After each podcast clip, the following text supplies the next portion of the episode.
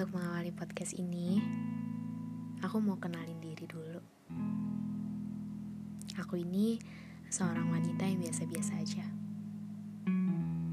Aku seorang perawat yang bekerja di salah satu rumah sakit besar di Indonesia.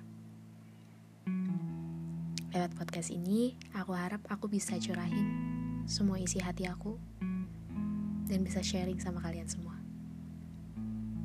Hope you enjoy it.